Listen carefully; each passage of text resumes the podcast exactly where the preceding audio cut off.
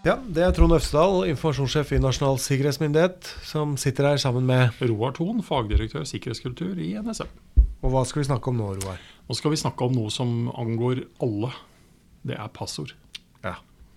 Og passord er viktig for oss. Mm. Fins veldig mange passordråd som er gitt opp gjennom åra. Mm. Um, Ja, for vi kan ikke ha samme passord overalt. Det er det slutt på. det er det absolutt slutt på. Ja. Uh, men det er mange som har det likevel, og vi kan snakke litt om hvorfor man har det. Mhm. Men uh, kanskje det første å forstå da, det er at kravene til passord det har endra seg i takt med datamaskiners altså utvikling og hvordan på mange måter kjeltringene utnytter teknologi. Mhm. Så fra å være et sted hvor passord bare var noe, noen få tegn vi kunne ha, og det var på mange måter greit, så er dette litt mer utfordrende for oss. Og så er det faktisk utfordrende for oss som bruker det, fordi at passord, det er, det er vårt. Ja. Det er liksom en av de få tingene vi virkelig må ha et liksom aktivt og bør ha et aktivt forhold til. For det er noe vi selv forvalter mm. for å bidra til å beskytte våre egne verdier.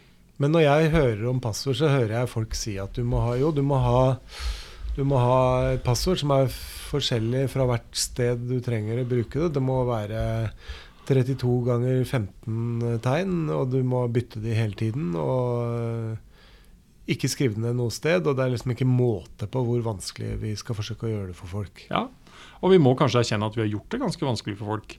Fordi vi har eh, kommet med mange råd eh, opp gjennom tida, og det er ikke bare oss, men altså hele, hele bransjen eh, globalt har kommet med mange råd som isolert sett er gode sikkerhetsråd, men som er ekstremt vanskelig for oss som mennesker å, å Ja, bruke. Og å Og da er jo spørsmålet da, når vi skal snakke om dette her nå, skal vi liksom drive avlæring av de gamle, eller skal vi snakke om de nye? Men jeg syns at vi skal snakke om litt av de gamle først, før Ja, vi liksom kommer okay. med våre. Ja. Uh, for det du er inne på Hvis vi skal ta fem råd da, som er liksom sånn universelle råd som har vært brukt den siste tiden, og veldig mange kjenner seg igjen i, Mm. så er det én, det er nettopp dette med å ha unike passord. ja. Altså det betyr at det skal være ett Én tjeneste, ett passord. Og så skal man finne et annet passord for den andre tjenesten. Ja. Så hvis Så- ett blir stjålet, så kan de ikke da komme inn på andre nettsteder og sånn som med samme passord. Ja, og det er ganske viktig, altså. Ja. Så skal de være lange. Mm. Og her eh, strides de lærde lite grann. Ja. Eh, men eh, for oss i vår bransje så er vi fort oppe i en 14-16 tegn, og det er ganske langt. Ja.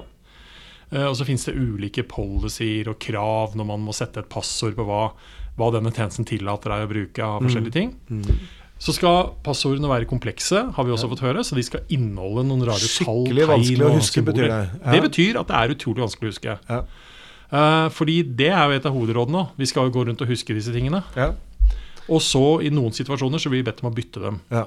Og jeg så senest nå eh, at det var et råd ute i media i forrige uke som anbefalte folk å bytte passord når de kommer hjem fra ferie, fordi det kunne være en risiko for at noe hadde skjedd. ja, Det som er klassikeren, er vel at du får beskjed et par dager før du drar på ferie om at du må bytte passord på PC-en din. Og når du kommer tilbake fra ferie, da er du jo ikke i nærheten av å huske det gamle engang. Da har du glemt den. Ja.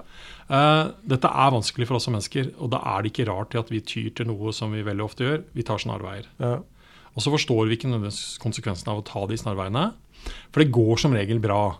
Eh, da har vi kanskje ett eller to passord da, Ja. som vi har eksponert overalt. Ja. Eh, men det er ikke noe problematisk i forhold til altså, Vi trenger ikke hver eneste gang å ha et unikt passord på alle tjenestene. Men hvis man greier å gjøre en slags verdivurdering da, Ja. og si at eh, jeg har et passord som er sånn ja, jeg, jeg husker det veldig lett, og det er ikke noe problem å bruke det. Mm. Ja. Og jeg bruker det på en bokhandel jeg handla bok på for to år siden. Ja. Og jeg bruker det et annet sted jeg kjøpte sko. Ja, for da vet du at der ligger ikke noe kredittkortinformasjon. Tjenester som ikke betyr noe særlig for deg. Ja. Uh, det er ikke noe problem kanskje å ha det samme passordet på det. Skulle det bli rappa, så er det ikke noe farlig. Men idet du bruker det passordet du har på bokhandelen, mm. til å også dekke alt fra Facebook, nettbanken din, e-postkontoen din mm. så, Og e-postkontoen din er faktisk navet i alt det du egentlig Ja, driver med. Ja. Så kan dette være litt annerledes for oss. Ja.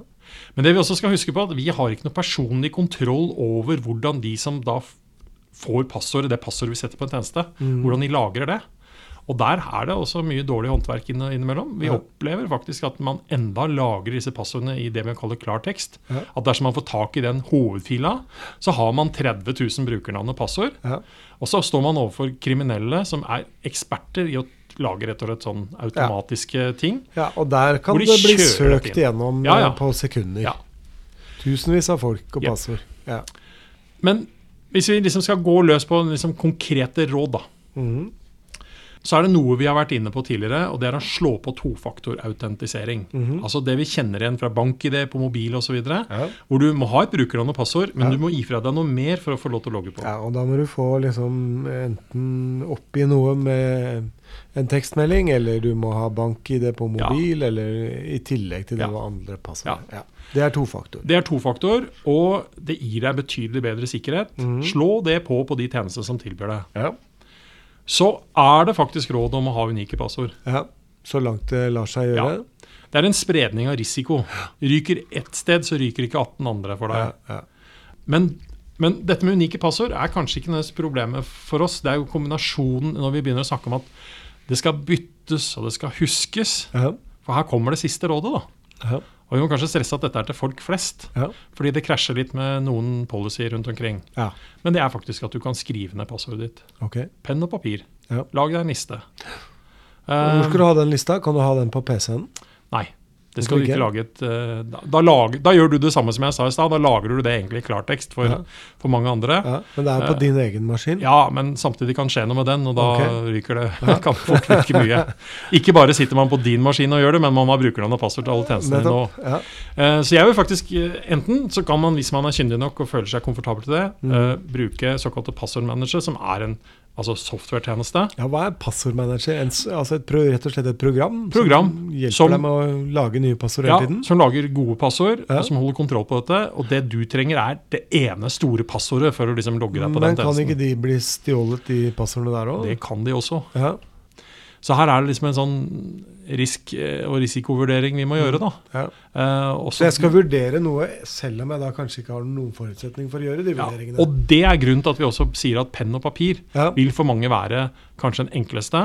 Fordi man kanskje ikke føler at man er komfortabel eller kompetent nok til å bruke en såkalt password manager på en riktig måte. Men veldig ofte, problemet med det er jo at eh, den lista med passord den ligger jo hjemme, og nå er jeg på ferie, og jeg skal prøve å huske det passordet til det, den tingen jeg nå plutselig skal gå inn på. Ja.